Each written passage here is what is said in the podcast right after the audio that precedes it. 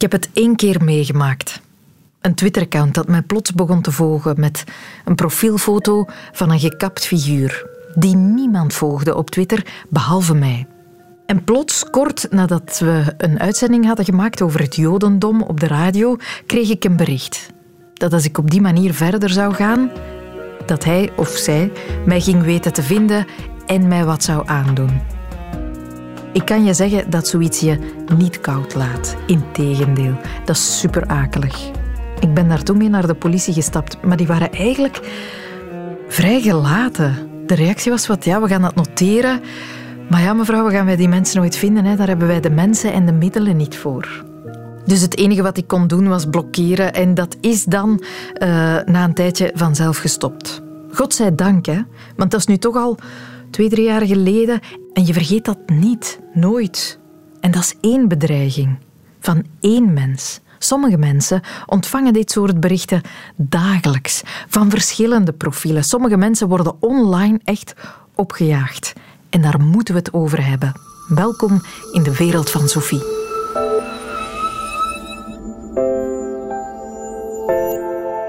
Vorige week las ik een berichtje van Samira Attila op Twitter. Samira is journalist, ooit voor Apache, nu voor De Morgen. En ze schreef over de haatberichten die ze geregeld krijgt. Geregeld, dat is dagelijks. Via Twitter, via mail, via Facebook. Zelfs op haar antwoordapparaat laat men dreigberichten na. Waarom?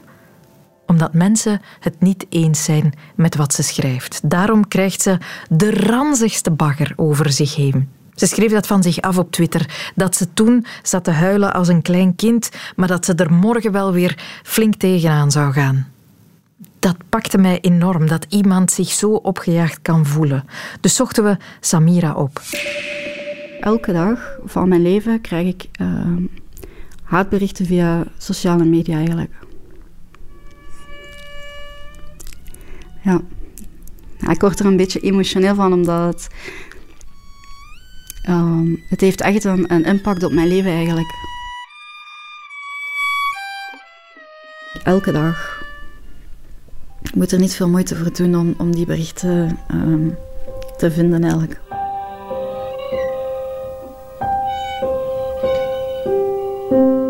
Ik ben um, ondertussen al drie jaar journalist. Ik doe het heel graag. Het is echt uh, eh, een passie en, en mijn job ook geworden ondertussen. Maar het is inderdaad, uh, er is een keerzijde aan de medaille. En, en ja, dat zorgt voor, ja, in mijn geval toch echt wel voor heel wat haatberichten via sociale media. Uh, maar ook het laatste jaar eigenlijk via mail. Ik heb zelfs anonieme telefoontjes gekregen om mij te bedreigen.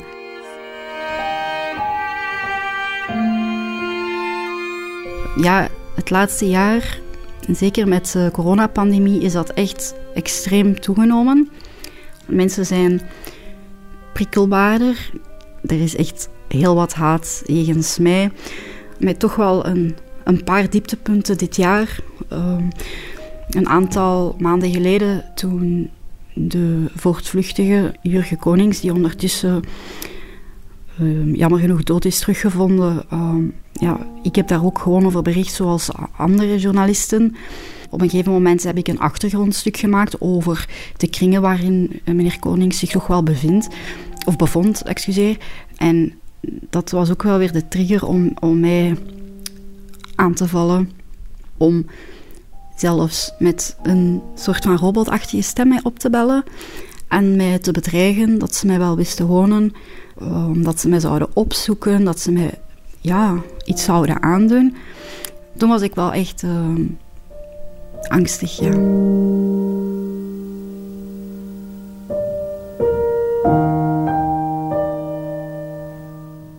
Ik let wel tien keer na voordat ik iets online zet, voordat ik iets schrijf. Uh, als ik een artikel schrijf waarvan ik weet dat het gevoelig kan liggen, ja, dan ben ik angstiger en nerveuzer dan anders. Ehm, ja, het heeft, wel impact op mijn leven. Ik lig daar soms echt van wakker van, oei, uh, morgen ga ik wel weer heel wat haat krijgen. Het zorgt voor, voor echt slaaptekort en ja, ik kijk gewoon echt letterlijk over mijn schouder als ik ergens naartoe ga. Dus dat is denk ik niet de bedoeling voor iemand die gewoon uh, zijn job wil doen. Ben ook maar een mens. Achter de journalisten de mens. En je, je kan maar zoveel aan. Dat elke dag die haat. Uh, en, en, en, dat gaat ook over ja, racisme. Ik krijg ook dickpics uh, doorgestuurd. Zelfs op mijn openbare account sturen mensen dickpics. mijn nummer wordt rondge rondgestrooid online. Mijn, mijn foto wordt online gegooid. Ik krijg uh, doodsbedreigingen, zoals ik net al zei. Het, het, ja, waar, waar is de grens of zo? En wie meent het en wie, wat is om te lachen? Ik, ik, ik kan daar geen onderscheid meer in maken. Ik krijg zoveel haatberichten dat ik alles als verontrustend zie.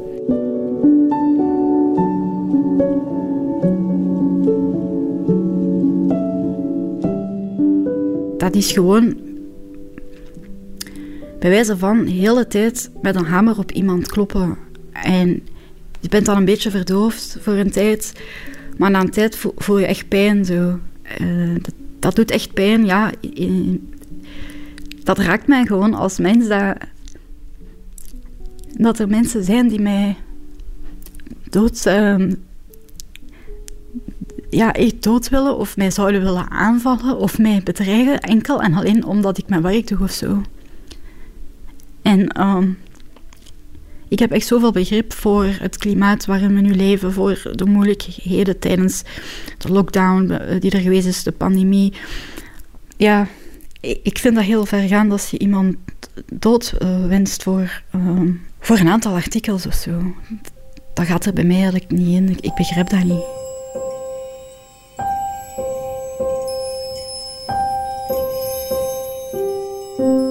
En natuurlijk, ik zou dat kunnen negeren, maar ja, dat is toch iets uh, in mij om, om dat toch te openen en, en te bekijken, omdat, er, ja, omdat ze mij, nu ook al bellen en zo. Ze straks stuurt iemand, ik sta aan je deur of, of ik, geen idee. Allee, ik, ik, ik blijf het bekijken, maar ook via mail. En allee, daar hoef ik niet veel moeite voor te doen. Ik, ik vind het gewoon heel erg verontrustend.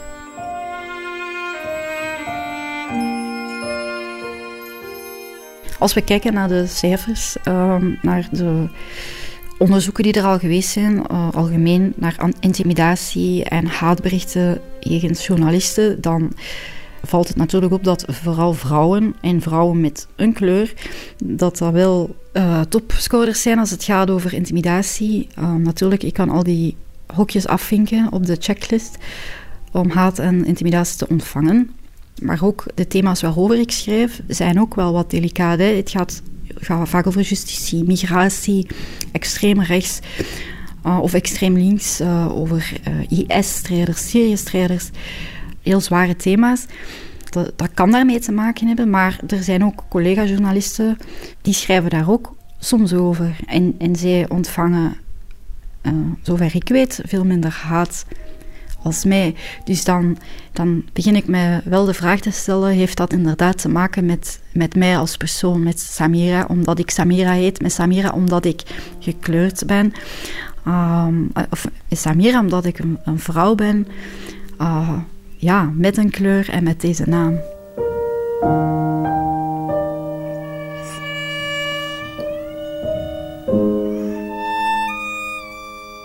Dat is wel grappig. Ik heb zo ooit één iemand gevonden die dan haat had gestuurd. Ik denk dat hij mij bruin geitje noemde of zoiets op Twitter. En die had dat met naam en toenaam uh, geschreven. Ik heb die dan gegoogeld en na een beetje speurwerk dan gevonden. En nou, ik heb die persoon opgebeld en, en, en echt zo geconfronteerd met... Ja, hè, eh, u spreekt met Samira Attila. U noemde mij op Twitter bruin geitje. Ja, was het natuurlijk stil aan de aan de andere kant van de lijn. En die persoon heeft zich ook geëxcuseerd. Omdat als je die mensen ja, in het echte leven zeg maar, confronteert, dan zijn ze wel even geschrokken van... Oei, ja, maar dat was in the heat of the moment. Ik was, ik was echt kwaad, mijn excuses. Dan merk ik ook wel van, ja, er zitten ook mensen achter die accounts. Ik moet ook de mens blijven zien achter sommige accounts. Zo, zo nobel ben ik dan wel weer ja, op het einde van de dag zijn we gewoon allemaal mensen. En door de technologie en, en ja, een profielfotootje en een, en een naam uh, al dan niet anoniem, ja, vergeet, vergeten mensen misschien soms dat we inderdaad met, met echte mensen te maken hebben.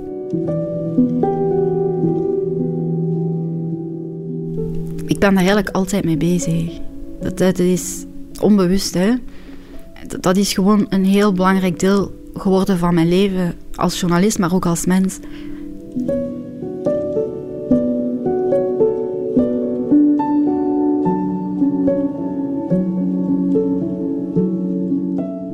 ik heb mij wel heel kwetsbaar opgesteld hè, door die tweet, door, de, door, door dit onder andere. Ik vind dat ergens ook wel een beetje beangstigend. Ik vermoed dat ik hierna ook wel weer haat ga krijgen, maar ik denk nu al erger dan erg kan bijna niet. En soms uh, vragen mensen mij dan, ja, wil je dan geen andere job? En dan denk ik, nee, want dit is wat ik, wat ik heel graag doe. Ik kan dat goed. Uh, dat is mijn passie en ik wil niet dit opgeven voor, voor mensen die denken dat ze mij kunnen intimideren of zo. Een reportage van Anke van Meer. Wat Samira meemaakt, u hoort dat, dat is verschrikkelijk. Elke dag dat soort ranzige praat, beschimpingen, doodsbedreigingen. Waarom zoekt men haar? Wie zijn die mensen die dat doen en wat hopen ze eigenlijk te bereiken? Daar doet Katrien van de Heining onderzoek naar. Zij is procureur des Konings in Antwerpen en docent Europese fundamentele rechten aan de Universiteit Antwerpen. En dit soort verhalen zijn haar niet vreemd spijtig genoeg klinkt het mij wel bekend in de oren. Natuurlijk, het verhaal van Samira is heel extreem. Mhm. Ik ken nog wel verschillende van diezelfde extreme verhalen. Maar in de meeste gevallen neemt het een iets minder extreme vorm aan. Ja, en kwalificeren we dat vaak als cyberpesten. Hè? Mensen die voor een bepaalde periode enorm belaagd worden, ofwel op hun sociale media, ofwel via berichten. En spijt genoeg is dat een fenomeen dat we steeds meer zien oprukken, grotendeels door sociale media. Ah ja, toch wel. Wat Samira overkomt, is dat het type voorbeeld of combineert zij alle vormen van online haat die je kan ontvangen? Wij onderscheiden altijd twee gevallen. En de eerste is bij publieke personen, of personen die publiek worden door een bepaald mediafeit. En dat is eigenlijk het voorbeeld van Samira, iemand die mhm. ja, een publieke rol heeft, die ook een bepaalde functie heeft als journalist, waardoor dat ze meer in het vizier loopt. En dan heb je natuurlijk gewone personen of mensen die niet in het nieuws komen. En dat is een heel ander verhaal. Maar wat Samira hier meemaakt, is, is echt een, een heel typisch voorbeeld. Uh, zij combineert verschillende factoren die ervoor gaan zorgen dat zij heel die storm over zich krijgt. Enerzijds omdat ze vrouw is, dat weten we uit onderzoek, um, dat vrouwen een bepaald soort, en zegt een bepaald soort haat over zich krijgen, dat vaak veel seksistischer is, uh, dat heel hard gericht is op macht, op het onderdrukken van iemand. Ten tweede vanwege haar origine en haar naam, dat speelt zeker ook mee. Ook dat zien we in onderzoek, dat mensen met een andere origine vaak veel meer de target worden. En ten derde, ja, die publieke functie en dan nog ook eens journalist. We mhm. zien door eigenlijk is dat een wereldwijd fenomeen dat journalisten steeds meer worden aangevallen. En dat heeft voor een groot deel te maken met de polarisering in de wereld, maar ook met autoriteiten of bepaalde mensen met een publieke functie die journalisten op naam en toenaam gaan noemen. En in plaats van commentaar te geven op de inhoud, dat op de persoon gaan doen. Mhm. Samira verenigt dat allemaal. En Samira wordt niet meer Samira. Samira is voor degenen die het doen, de pesters, de trollers, is zij de verpersoonlijking. Zij is de verpersoonlijking van een bepaalde nieuw soort elite, uh, die zij niet graag zien. En dan krijg je ook nog eens waar dat zij over schrijft. Hè. Bijvoorbeeld mhm. nu uh, heeft ze ook geschreven over de betoging, of de coronabetoging, wie zit daarachter? Wel, dat zijn natuurlijk ook, daar zitten ook veel conspiracy-denkers uh, in die groepen. En daar zijn mensen die zeer een kwaadheid hebben of geïsoleerd zijn. Ja, en die combinatie is de perfecte storm. Waardoor mm dat spijt genoeg Samira het... Vijf keer pech heeft. Ja, vijf keer pech heeft. En ik hoorde het daar ook zeggen. Ik begin te denken dat het over mij gaat. Het gaat eigenlijk niet over Samira. Het gaat mhm. ook eigenlijk niet echt over wat ze schrijft. Maar het is de combinatie van die elementen. Ja, zij wordt de verpersoonlijking voor bepaalde mensen van spijt genoeg hoe zij het zien, het kwaad van de wereld. Ja, zij moet er wel mee omgaan, natuurlijk. Mocht zij man zijn, zou het anders zijn? Zou de haat anders gericht zijn? Ja, de haat zou anders zijn, dat weten we ook uit onderzoek. Mannen en vrouwen worden allebei getarget. Dus het is niet zo dat mannen daaraan ontsnappen. Um, zeker bekende politici. Of denk bijvoorbeeld aan onze virologen. Mark mm van Ranst krijgt ook zijn deel, zoals we allemaal weten. Dus mannen en vrouwen krijgen het allebei. Alleen de inhoud is wel anders. Um, mannen zullen veel meer op het beleid of op um, hun reputatie worden aangevallen. Je zal daar veel meer um, verdachtmakingen over corruptie vinden of over hun connecties. En dat ga je ook bijvoorbeeld bij Mark van Ranst heel goed zien in, in hoe dat hij wordt aangevallen. Mhm. Terwijl bij vrouwen zal het veel meer op seksistische manier zijn. Zij zullen bijvoorbeeld ook, en Samira bewijst het weer, dickpics krijgen. Um, Dalila Hermans heeft ooit verteld dat ze heel eruit geschreven verkrachtingsfantasie kreeg. Echt? Ja, dus je ziet echt dat dat heel... Um, dat seksisme speelt een rol en onze ja, cultuur en onze traditionele modellen die worden daarin doorverwezen in hoe dat die haat zich vertaalt. Mm Hetzelfde natuurlijk met andere origine. Daar ga je dan weer zien dat er dan weer die overlap is van enerzijds dat cyberpest en dat bedreigen en anderzijds de klassieke haatspraak die gericht is op het aanzetten uh, tot discriminatie en, en haat ten opzichte van een bepaalde groep of origine. Mhm. Ik lees, uh, als ik uh, de reacties in de app lees, uh, verontwaardiging. Mensen die amper kunnen geloven dat zoiets gebeurt. Maar het gebeurt steeds vaker, mm zei u net. Omwille van de polarisering? Of zijn er nog redenen waarom die online haat nu groeit? De belangrijkste reden zonder twijfel is sociale media en digitalisering. Dit is iets dat we de laatste vijf jaar zien in stijgende lijn.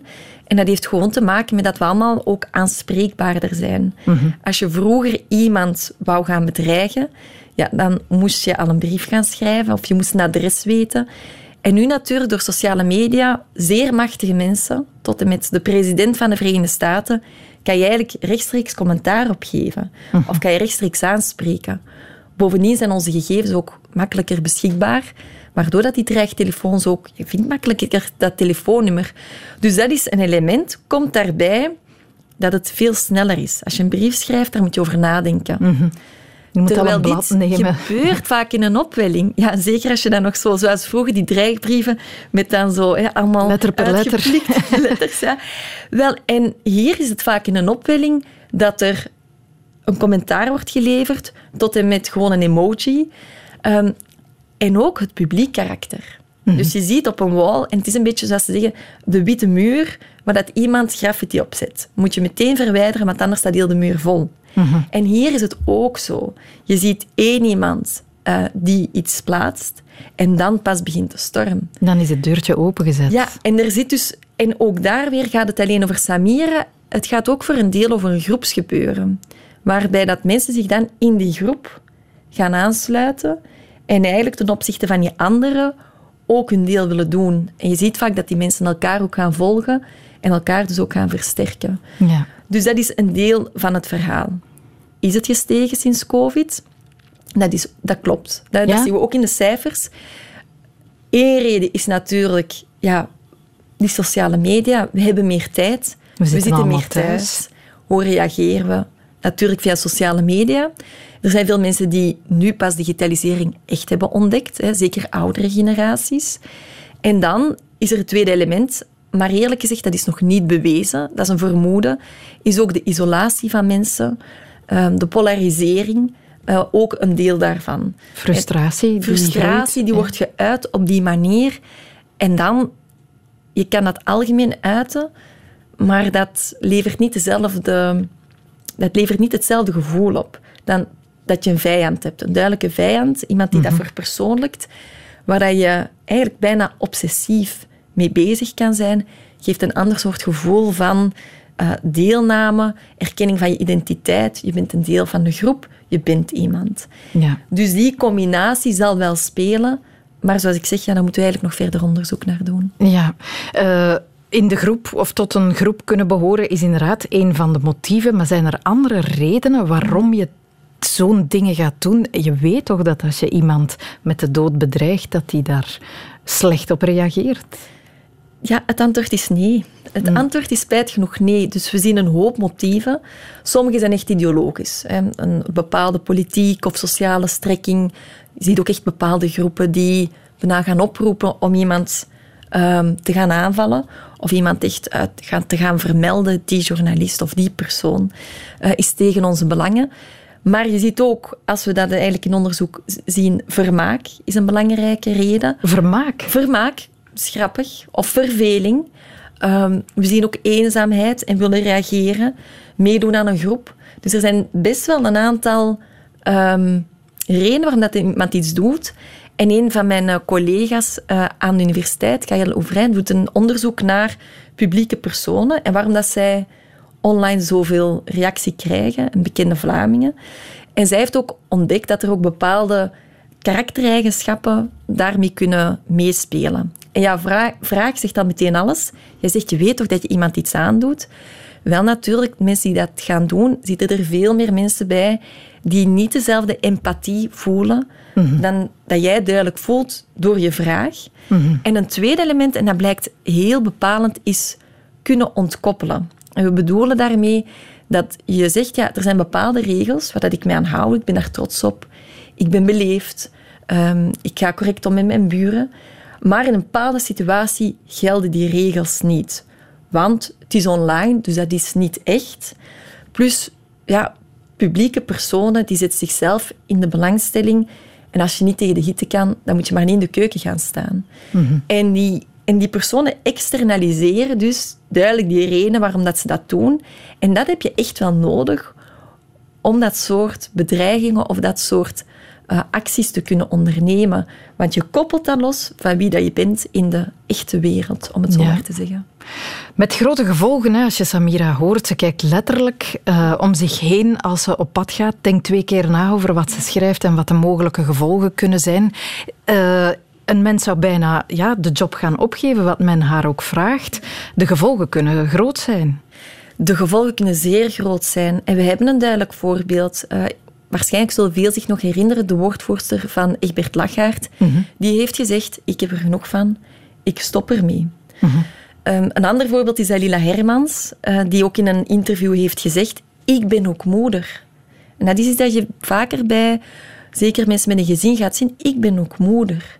En dus, ik pas mij aan hoe dat ik spreek. Want dus dan winnen ze wel, de haters. Zo winnen ze natuurlijk, omdat ja, er zijn aanpassingen in het persoonlijke leven. Maar je ziet ook dat mensen zich gaan terugtrekken mhm. van sociale media, hun mening gaan veranderen, andere jobs gaan doen. En dan verschalen we natuurlijk de democratie. Want we leveren bepaalde media uit aan bepaalde stemmen. En je ziet dus ook dat, dat ja, op sociale media de zwaardere, hardere commentaren komen ook steeds meer van mannen. Dat blijkt ook uit ons onderzoek dat je ziet dat het, er een verschil is in reactie. Mannen gaan veel meer ja, in het defensief gaan, gaan meer reageren. Je ziet ook, en, en dat heeft te maken met dat blijkbaar bij mannen, de angst zit vooral op hun reputatie. Terwijl bij vrouwen zit de angst veel meer op hun fysieke integriteit en die van hun geliefde. Mm Hun reputatie vinden ze van minder belang. Maar dat het gevolg is natuurlijk, als je bang bent voor je fysieke integriteit, dat je veel sneller stappen gaat zetten mhm. om eigenlijk je te gaan terugtrekken en dat niet meer gaat doen. En dat is een onderzoek dat uit Engeland komt van parlementairen en waar je ook zag dat degenen die het meeste haat kregen, veel meer vrouwen stopten met politiek. Ja. En dan verschralen we de democratie, dan verschralen we het debat. En om die reden, het is altijd hè, langs de ene kant vrije meningsuiting, langs de andere kant het beschermen van, de van personen die in het publiek debat zijn, maar dus ook democratie. Ja, ja, dramatisch. Hè? Wat doen we er tegen? Wat is de oplossing? Er is geen uh, golden bullet, om het zo te zeggen. Er is geen magische oplossing. Er zit heel veel verantwoordelijkheid bij de sociale media. De platformen zelf. De, de platformen zelf. Zij moeten veel sneller reageren door bepaalde commentaren eraf te halen, door ook zelf al te gaan kijken, niet te wachten tot iemand meldt, zelf te gaan kijken uh, wat is er allemaal op ons platform en ook sneller te reageren met mensen die dat soort berichten posten, penalties te gaan geven door bijvoorbeeld ze tijdelijk te schorsen of ze eenmaal van hun platform af te halen. Mhm. En we merken dat er enorm verschil is tussen de verschillende sociale media. Facebook heeft sinds uh, een anderhalf jaar hebben zij stappen voorwaarts gezet door veel meer automatisch te gaan detecteren. En zij halen nu bijna 100% van de berichten eraf voordat iemand het meldt. Door ah, ja. artificiële intelligentie. Twitter daarentegen, wat een beetje de trollenhaven is aan het worden, daar zie je eigenlijk dat zij dat veel minder doen. Zij richten zich quasi alleen maar op de bedreigingen. Echt bedreigingen gaan ze aanpakken. Zijn er 35.000 per dag die ze van Twitter halen, van echt bedreigingen mhm. van personen. Dus dat gaat nog los van haatspraak. Maar als je kijkt, ik ben slachtoffer, en je gaat naar Twitter, de pagina, wat kan ik doen, ben slachtoffer van haatspraak of van dit soort bedreigingen, dan zie je dat Twitter zegt, probeer ze eerst te deblokkeren, ja. reageer er niet op, meld het aan je lokale autoriteiten en pas als vierde stap meld het ons.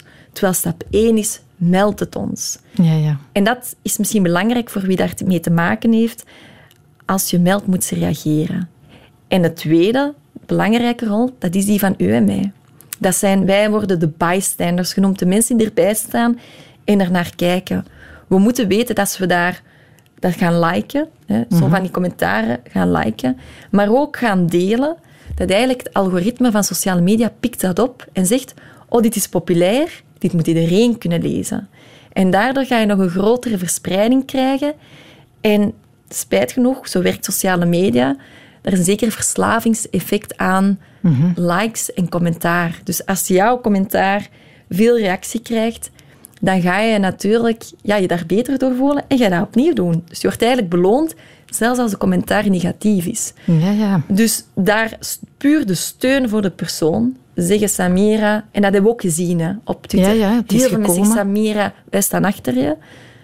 En anderzijds de trollen daar niet het melden aan Twitter, altijd ook als bijstander melden. Dit kan niet door de beugel, maar er niet verder op reageren, is een belangrijke stap. Mhm. En tot slot, andere publieke personen. Kom je in de publieke sfeer, heb je een verantwoordelijkheid en je gaat dus niet journalisten of andere mensen met naam en toenaam viseren. Speel altijd op de inhoud, nooit op de persoon. De verantwoordelijkheid ligt ook bij ons, dat is duidelijk. Katrien van de Heining hoorde je. Wij, de omstaanders, wij kunnen een antwoord bieden op online pestkoppen. Dat moeten we beseffen, zelfs al zijn ze met veel. Want je kan natuurlijk één pestkop in je nek krijgen. Je kan ook een heel trollenleger op je afgestuurd krijgen.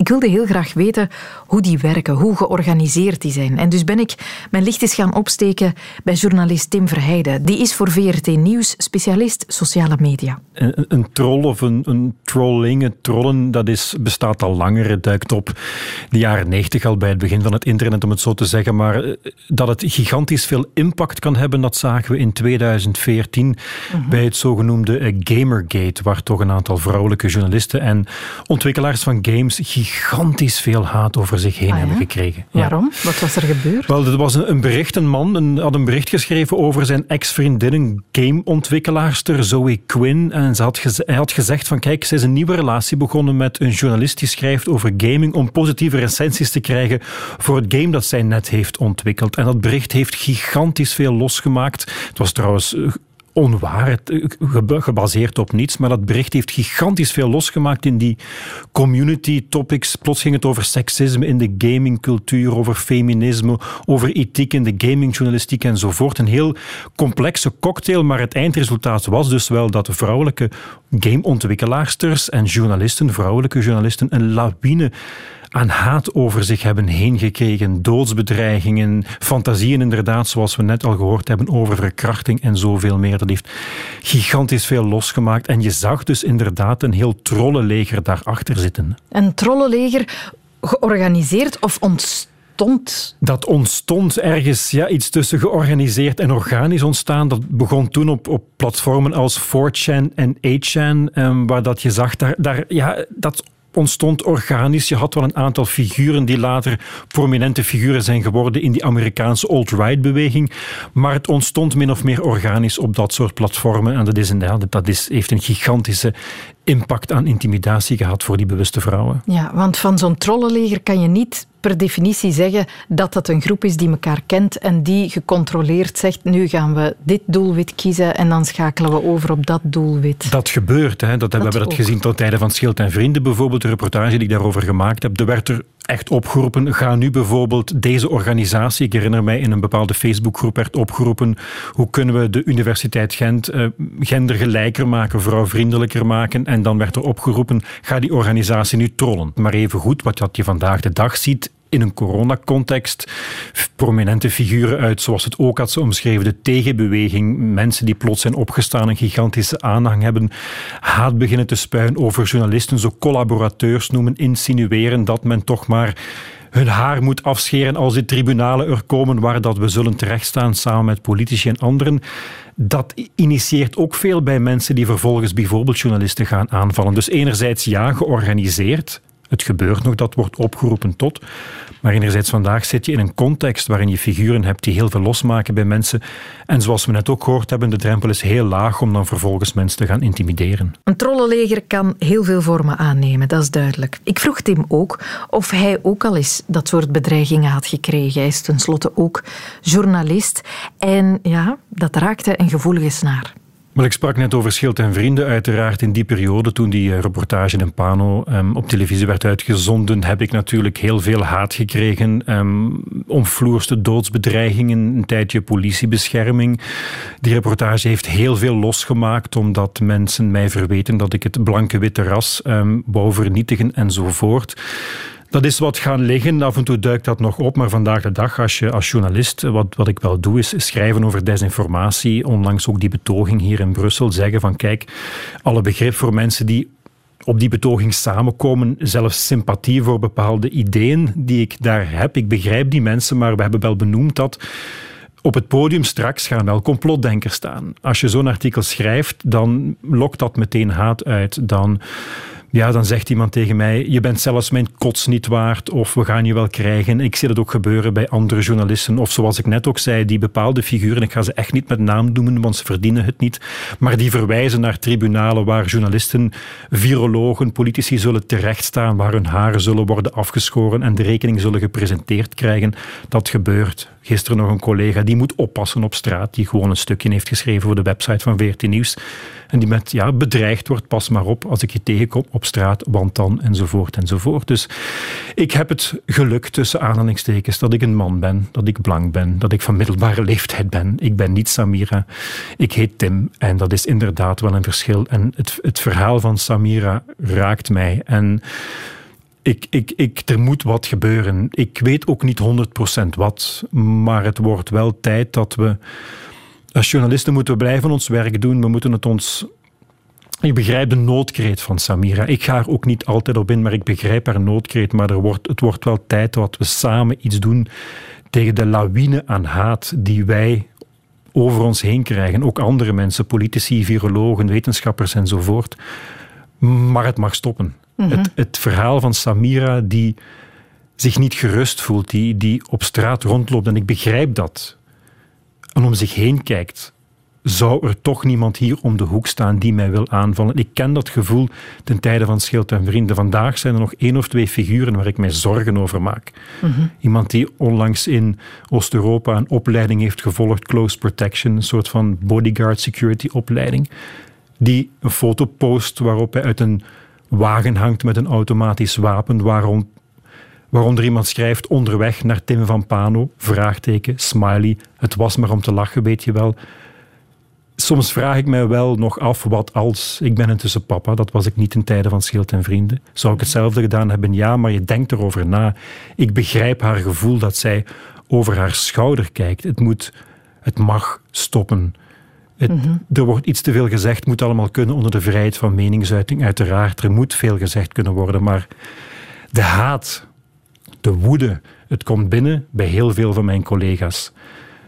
Als ik slecht geslapen heb, bij mij ook, maar ik kan me er tegen wapenen. Het mhm. lukt, maar niet elke dag. Er is een limiet bereikt en dat merk je bij heel wat inderdaad van je collega's. Die voelen ook de impact op het werk. Waar, als je je gaat afvragen of je nog wel zou schrijven wat je van plan was te schrijven, dan is de impact immens. Dat is gigantisch natuurlijk. Als mensen twijfelen, zal ik deze reportage nog wel maken? Zal, zal ik dit durven schrijven? Want wie weet wat er allemaal op mij afkomt. En het moet zelfs niet meer gaan over haat. Kritiek mag. Hè. Ik krijg soms mail van mails van mensen die kritische bedenken hebben, mm bedenking hebben bij reportages. Ik ga daarmee in gesprek. Maar de drempel is zo laag om van achter je toetsenbord verwensingen te sturen dat het, het komt binnen bij mensen. mensen. Ik zie collega's die het moe zijn, die soms naar een betoging moeten gaan en, en proberen in gesprek te gaan, maar ja, pure verwensingen naar hun hoofd geslingerd krijgen. Het heeft in de krant gestaan, wij moeten met beveiliging rondlopen op betogingen. Is dit nog normaal? Mhm. Ik vind dit niet normaal meer, nee. Het is niet normaal. We mogen dit niet normaal beginnen vinden. Maar zijn het dan uitzonderlijke tijden? Is de haat vandaag groter dan de haat vroeger? Dat vroeg ik me ook af. Dus ik heb Mark Bonen gebeld. Hij is emeritus hoogleraar geschiedenis aan de UGent. En hij kwam met een uh, zeer boeiende Engelse term. Je ziet eigenlijk uh, doorheen uh, de geschiedenis dat er opstoten zijn van wat men nooit omschreven heeft: de persecuting society. De noodzaak van voor de samenleving om een soort van vijandbeeld uh, te creëren, waarbij men bepaalde groepen gaat viseren. En dat, dat uh, heeft dan onder meer als functie om de interne spanningen uh, draagbaar te maken. Ah, ja. heel klassiek zijn bijvoorbeeld periodes van, van ziekte, hè, van de pestepidemie. Hè, dat is dat vertaalt zich onder meer in heel gerichte aanvallen tegen bepaalde groepen. In dat geval, hè, we spreken dan over de fameuze Zwarte Dood van de 14e eeuw. Uh, Joden worden uh, beschuldigd. Dat bouwt voort natuurlijk op een reeks bestaande vooroordelen, maar je ziet dat er een, een, een explosie komt, uh, omdat men op die manier probeert greep te krijgen op iets wat eigenlijk onverklaarbaar is, waar men geen verklaring voor vindt. En, en waarbij dan allerlei complottheorieën zeer gemakkelijk uh, uh, ingang gaan vinden, met vaak uh, desastreuze afloop natuurlijk. Hè. Mm. Pogroms, mensen die vervolgd worden enzovoort. Ja, ja. Dus in die zin is dat niet nieuw. Alleen is de schaalvergroting natuurlijk uh, wel, uh, wel nieuw. En ook de snelheid waarmee die, die zaken uh, de dag van vandaag.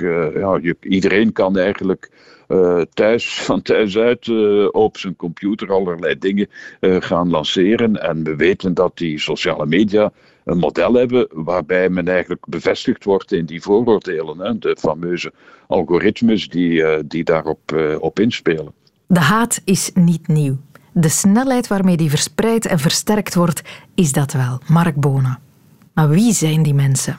Wat bezielt de hater om die haat zo rechtstreeks te gaan uiten? Dat is niet gemakkelijk te achterhalen, want weinig van dat soort mensen benadert je met naam en toenaam en een telefoonnummer voor de handigheid. Weinig mensen komen er ook voor uit dat ze iemand de avond voordien nog tijdens een aflevering van Thuis even gauw met de dood bedreigd hadden.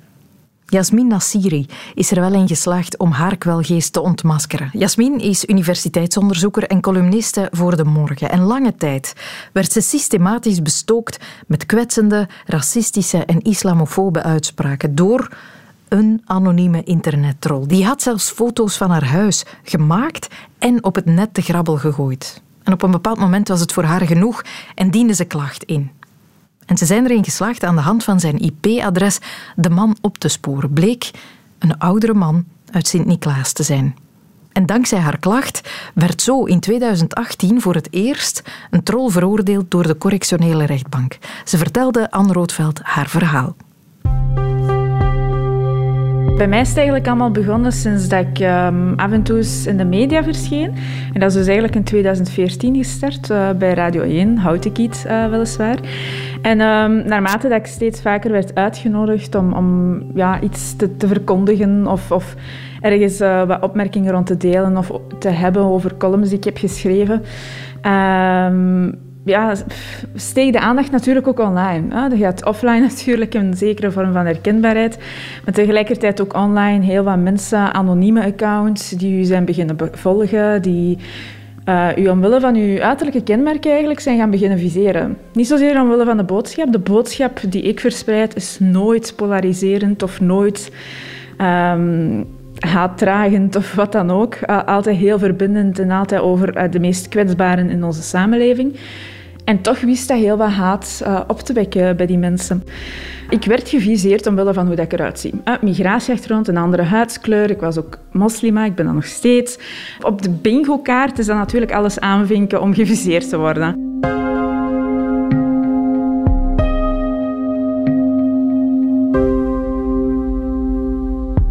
Dat was dus eigenlijk op Twitter, op Facebook. Uh, ze zocht u overal wel een beetje op. Via mail kreeg ik ook heel wat bagger uh, binnen. Ik ga de scheldwoorden natuurlijk niet herhalen, maar je kunt u wel iets inbeelden als je denkt aan een vrouw met migratieachtergrond. Ja, dan weten wat voor scheldwoorden dat je naar je hoofd gaat krijgen. Um, dus ik ga ze niet herhalen, maar de bedreigingen die stroomden ook wel binnen. Uh, dus op een bepaald moment kreeg ik heel wat bedreigingen binnen van ja, we weten u wonen. Dat is het ergste van al natuurlijk. Namelijk, je weet dat je aangevallen wordt, maar je weet niet langs welke kant. Uh, en dan op de duur loopt je over straat en dan denk je van je eigen, ja, zou die hier rondlopen? Of zou die hier iets ja, staan wachten op mij? Of, of je begint je eigenlijk van allerlei vragen te stellen waar je geen antwoord op hebt. En dat is zo jarenlang aan een stuk geweest. Uh, het is verergerd toen ik columns ben beginnen schrijven voor De Morgen. En um, ja, dan had ik er echt uh, genoeg van. Dus in 2016 ben ik eigenlijk met zero informatie, uh, want ik wist ook niet hoe dat ik hier aan moest beginnen. Ik wist ook niet wat dat bewijs, onder een bewijsstuk viel en van wel. Allee, er is niemand mij voor geweest, dus er was ook niks om naar terug te grijpen of zo. Dus ik ben met enkele screenshots naar de politie gegaan uh, en ik heb mijn klacht daar ingediend. Maar de politie zelf, ik kreeg een inspecteur destijds toegewezen. Uh, die begreep ook niet zo goed wat dat Twitter was en sociale media. Het feit dat je op Twitter meermaals je gebruikersnaam kunt veranderen, maar nog steeds dezelfde persoon kunt zijn, dat was heel moeilijk om uit te leggen. En uh, die uitleg alleen al heeft mij eigenlijk een hele halve dag gekost.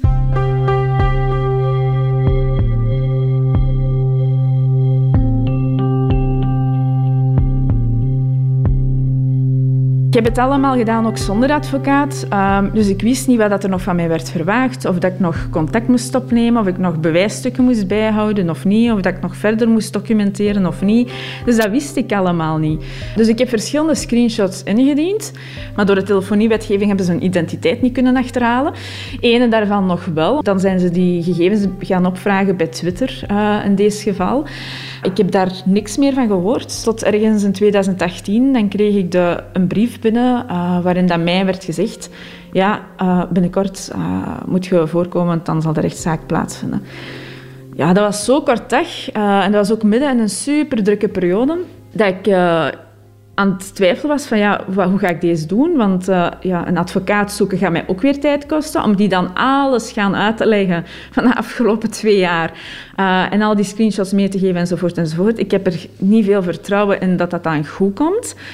Um, ik wou de rechtszaak ook niet per se winnen of zo. Dus dat speelt natuurlijk ook mee, dat, dat ik geen, uh, niet stapte naar een advocaat of, of ergens extra hulp zocht. Um, het enige dat ik wou, is daartoe komen, mijn gedachten eventjes zeggen en die mens een levende lijve zien, want ik wist tot op dat moment niet wie dat hij was, totdat ik die brief natuurlijk kreeg, daar staat een naam op. Uh, maar ik had hem nog nooit gezien, dus ik wou hem echt gewoon eventjes zien en hem zeggen wat dat hij mij heeft aangedaan en wat hij alle andere mensen ook heeft aangedaan, want ik was zeker niet zijn enigste doelwit of zo.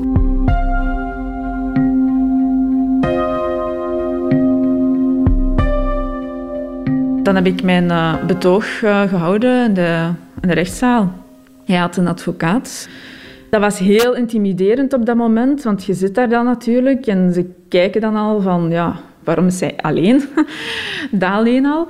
Ik, ik wist zelfs niet hoe ik die mensen moest aanspreken, alle eerlijkheid. Dus ik zat met zoveel stress, maar het maakte mij gewoon niet meer uit of ik iets fout ging zeggen of niet. Het enige dat ik wou zeggen is de waarheid en die mensen confronteren met de bewijsstukken. Um, dat was um, heel heftig, voor mij ook heel emotioneel. Uh, want het gevoel dat ik had was, je kon mijn vader zijn. Uh, en ik kan mij niet inbeelden dat je kinderen van mijn leeftijd hebt en dat je je goed voelt bij zo'n gedrag online. Zijn reden, hij gaf natuurlijk niet aan dat hij racistisch was of seksistisch. Of dat, hij, dat maakte voor hem natuurlijk helemaal niet uit. Hij heeft ook niet uitgesproken. Hetgeen dat hij wel zei, expliciet, was dat hij heel veel bewondering voor mij had en dat hij gewoon weet hoe dat ik al dan niet zou reageren. Wat dat natuurlijk heel vreemd is. Hè. Dat, is dat is ook gewoon nonsens. Dat moet je niet doen. En zo trekt je geen aandacht. En hij hield ook op, op het einde van de zaak um, hield hij de deur voor mij open. Zeker nadat ik dan te horen kreeg dat, die, dat een journalist bij hem blijkbaar thuis is uh, geweest. En uh, die man dus mijn foto's en, en, informatie voor mij had afgedrukt in een map. Dat ik dacht van, maar meent jij deze nu? Dit is wel heel eng.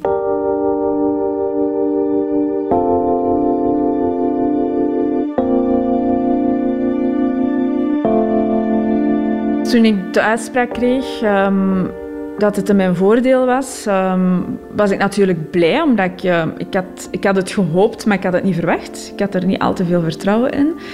Um, omdat, ja, als het vertrouwen er al niet is, wanneer je geen klachten dient, ja, dan, dan kun je niet anders dan dat, dat doortrekken, helaas, dat gevoel. maar dan uiteindelijk, toen ik zag hoeveel persaandacht dat, dat kreeg en uh, het feit dat dat inderdaad de allereerste keer is, wat ik wel wist, mocht dat um, in mijn voordeel spelen. Ja, dat was uiteindelijk wel een gevoel van oké, ik hoop dat meerdere mensen klacht beginnen indienen.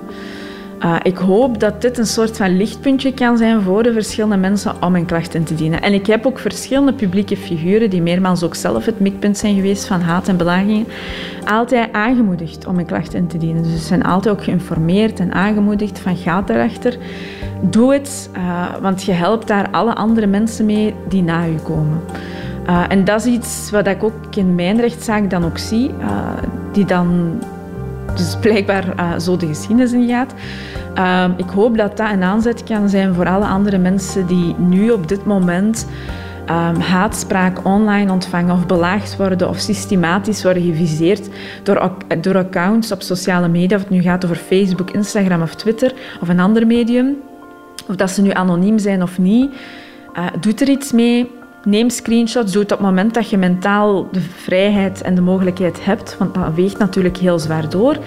En zodra dat je dat hebt, ga erachter. Uh, want als jij het niet doet, dan, dan blijven veel meer mensen meermaals het slachtoffer worden of het doelwit worden uh, van dergelijke haatspraak.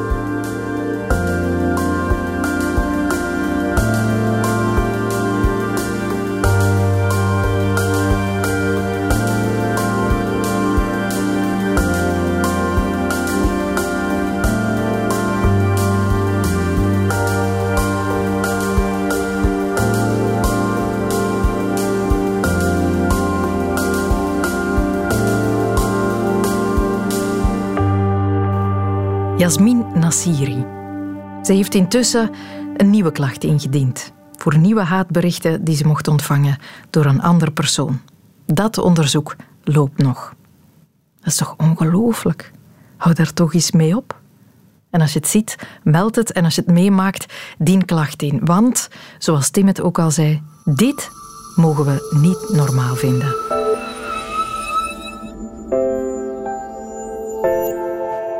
Dit was de wereld van Sophie over haatspraak. Je kan je altijd abonneren op deze podcast of een review schrijven. Dat helpt ons om door anderen ontdekt te worden.